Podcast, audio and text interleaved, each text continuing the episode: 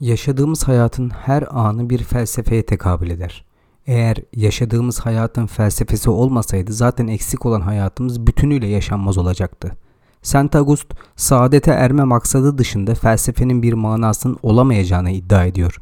İşin aslı felsefe bizzat konforlu olan hayatımıza bir saldırı olmalıdır. Felsefe insanı rahatsız etmelidir. İnsan ölmeyi öğrenmesi gereken bir varlık. Elbette bu hazırlık hiç bitmeyecek. Yaşamayı bilmeden ölmeyi göze alamıyoruz maalesef. Hayatımızın her anında ölüm korkusuyla baş başayız. Felsefe ölüm korkusuna merhem oluyor biraz da. İnsanı sükunete çağırıyor. Felsefe eğer bilgeliğin sevgisi ise bunun karşılığının olabilmesi için insani duruşumuza sahip çıkmamız gerekir. Çünkü ne yapsak da Sokrates'in söylemleri gereği bilge olamayacağız. Her şeyi bilme iddiasında da olamayız. Mağlubiyeti kabul ederek başlamak en iyisi. Luke Ferry antik Yunan'dan başlayarak günümüzün temel sorunlarının da bam tellerine dokunarak kavramsal bir serüvene çıkartır bize. Metnin adı her ne kadar gençler için dese de hepimize bir şeyler söylüyor aslında. Bize zor gibi gelen felsefi metinleri anlayabilme adına temel kavramları da vurgulamaya çalışıyor. Postmodern bir metin. İlerlemeci gibi görünse de kavramsal bir kitap. Teoriya, etik ve bilgelik alt metninle oluşturulmuş 6 bölüm buluyoruz okuyoruz kitapta. Şimdiye seslenen bir metin. İçinde bolca etimolojik çalışma var. Felsefenin üç boyutu teori yani olanın bilgisi, ahlak ve kurtuluş arayışı üzerinden geliştiriyor söylemini.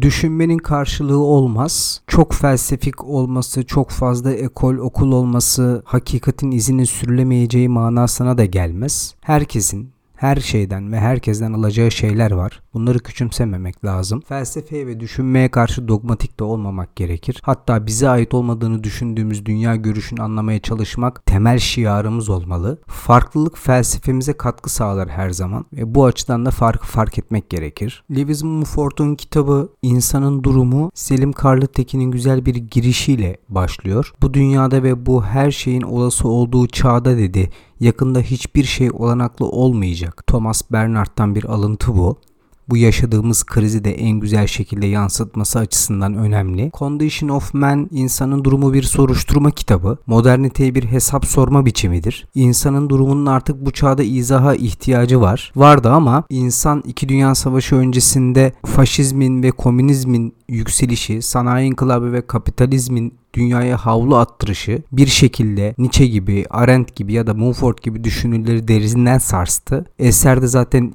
1944'te yayımlanıyor. Çağ atom bombalarının çağı. Büyük halk kitleleri savaşlardan dolayı büyük çileler çekmişler. Artık savaşın ve teknolojinin insanı kasıp kavurduğu çağdan bahsediyoruz. Eser büyük bir tedirginliğin sonucu. İnsan artık unutmayı ahlak edinmiş durumda. Bu bilinçsizlik durumuna karşı bir tepkidir insanın durumu. Mumford insanın durumuna insan nedir? Men sorusuyla başlıyor. Şöyle devam ediyor. Yaşamın manası nedir? Bu insanın kökeni, kaderi, durumu nedir? Bu büyük soruları doğuran insanın durumu ne hale geldi? Tüm iktisadi koşulları lehine çevirmesine rağmen imkanlarını zaman dahil hakimiyeti altına alırken ilerleme heyulası ile hat sınırlarını nasıl zorladı? Buna bakıyor. Tanrı'nın yerinden edildiği bir çağda şahsiyetimizi nasıl nasıl kazanacağız? Haysiyetimizi kurtarabilecek miyiz? Paul Tillich bu iki soru etrafında oluşturuyor olmak cesaretini. Modernizmin büyük buhranlar yarattığı doğru ama vaat ettiği imkanları da görmezden gelemeyiz. Aşırı tikellerin meydan savaşına mutlak olan yitirildiği için kavgayı nasıl sürdüreceğimizi bilemiyoruz. Olmak cesaretine biraz da bu açıdan bakmak lazım. Var olma cesareti nedir? What is courage to be? Bu kısacası imanla bir aklanmadır. Kişinin kabul görmemesine rağmen kendisini kabul görmüş olarak kabul etmesi cesaretidir. Cesaret ahlaki bir şey. Ahlaksa etik alana hapsedilemez. Ahlak yani yaratılış toplumsal manadaki moral durumla karıştırılmaz karıştırılmamalı. Toplumsal değil ferdi bir şeyden bahsediyoruz. Cesaret manevi bir durumdur. İnsanın aslında şahsiyetini kazanma çabasına cesaret diyebiliriz. Ahlak da bu açıdan önemli bir şey. Başından itibaren var olanın yeniden var olma insiyaki bu. Yola çıkmak kaygıyı çoğaltmaktır. Yola çıkmamaksa kendini kaybetmektir. Ve en üst anlamıyla yola çıkmak kendi benliğinin farkına varmaktır diyor Soren Kierkegaard. Sorunlarımızın nedenlerin bilinç dışında arayıp ortaya çıkarmak için kendimize dönüş yapmamız lazım. Dostoyevski'nin romanlarında çokça bahsettiği derin mağaramıza. Konformizmin gökleri çıkartıldığı bir çağda yaşıyoruz. Herkes haklarından ve özgür oluşundan bahsediyor. Rollo kitabı bunları görmezden gelmemekle beraber insanın derin bir kuyu oluşundan yola çıkarak Tillich gibi başa dönmeyi teklif ediyor. İnsanların artık mutlakları kalmamış. Kiliseleri yok, şirketlere, borsaya veya eşyaya tapıyorlar. Sürekli dışarının radarındayız. Bu şartlarda içe dönmek zor. Rolomey başka bir açıdan içe dönmeyi teklif ediyor. İnsanların çoğu hayatlarını sürdürebilmek adına başkalarına dokunmak zorunda olan körler gibi yaklaşık 400 yıldır akılcılığın, tek biçimliliğin ve mekanik arzuların kollarından Freud'un şark koltuğundaki yerimizi ayırmış durumdayız.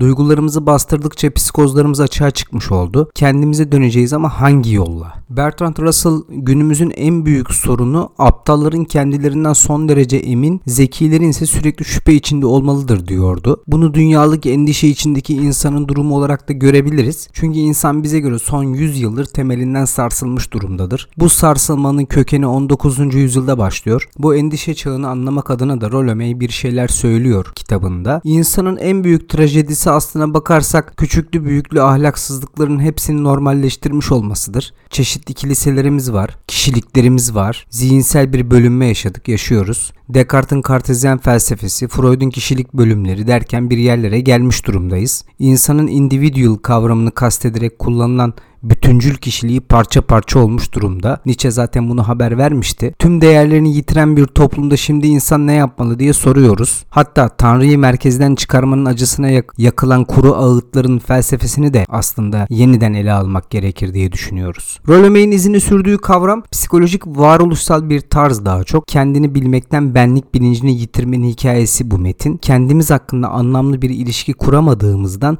durup düşünemediğimizden, başkalarıyla kurulan ilişkilerde sağır ve dilsiz kesilmemizden, edebi ve felsefi misallerle fikirlerini pekiştiren bir kitap aynı zamanda. İlmi Ziya Ülken okullarda düşünce tarihi eğitimi olması gerektiğinden bahseder. Çünkü biz sadece toplumsal sorunlarımız olduğunda düşünüyoruz iddiasındadır. Çok da haksız değil. Özellikle eğer varsa bir Türk tefekkür tarihinin okullarda da okutulması öngörülebilir. Bu açıdan Türkiye'de çağdaş düşünce tarihi çığır açan bir kitaptır. Ahmet Hamdi'nin 19. asır Türk Türkiye Türk Edebiyat Tarihi gibi bir metin bu. Bu iki metin kendi sahalarında ülkemizde tek sayılırlar. Hilmi Ziya Ülken'in kitabı 1966 yılında basılmış. Ahmet Hamdi'ninki ise 40'lı yıllarda basılıyor. İlginçtir ki düşünce tarihimizden önce edebiyat tarihimiz var. Bu da ilginç bir şey. Bir şeyin tarihini yazmak mütefekkirlik göstergesiymiş eskilerde. Türkiye'de insanlar edebiyata suyunun suyu şeklinde de olsa ilgi duyarlar. Baki'yi hatta Nedim'i bile tanırlar. Lakin düşünce tarihi yani bir şekilde akla dayalı felsefi bir düşünce adamı ya da kavramdan bir haber görünürler. Hilmi Ziya bizde daha çok çevirmen ya da yorumcu olduğunu ifade ediyor. Hakiki düşünce adamının zor bulunduğunu vurguluyor.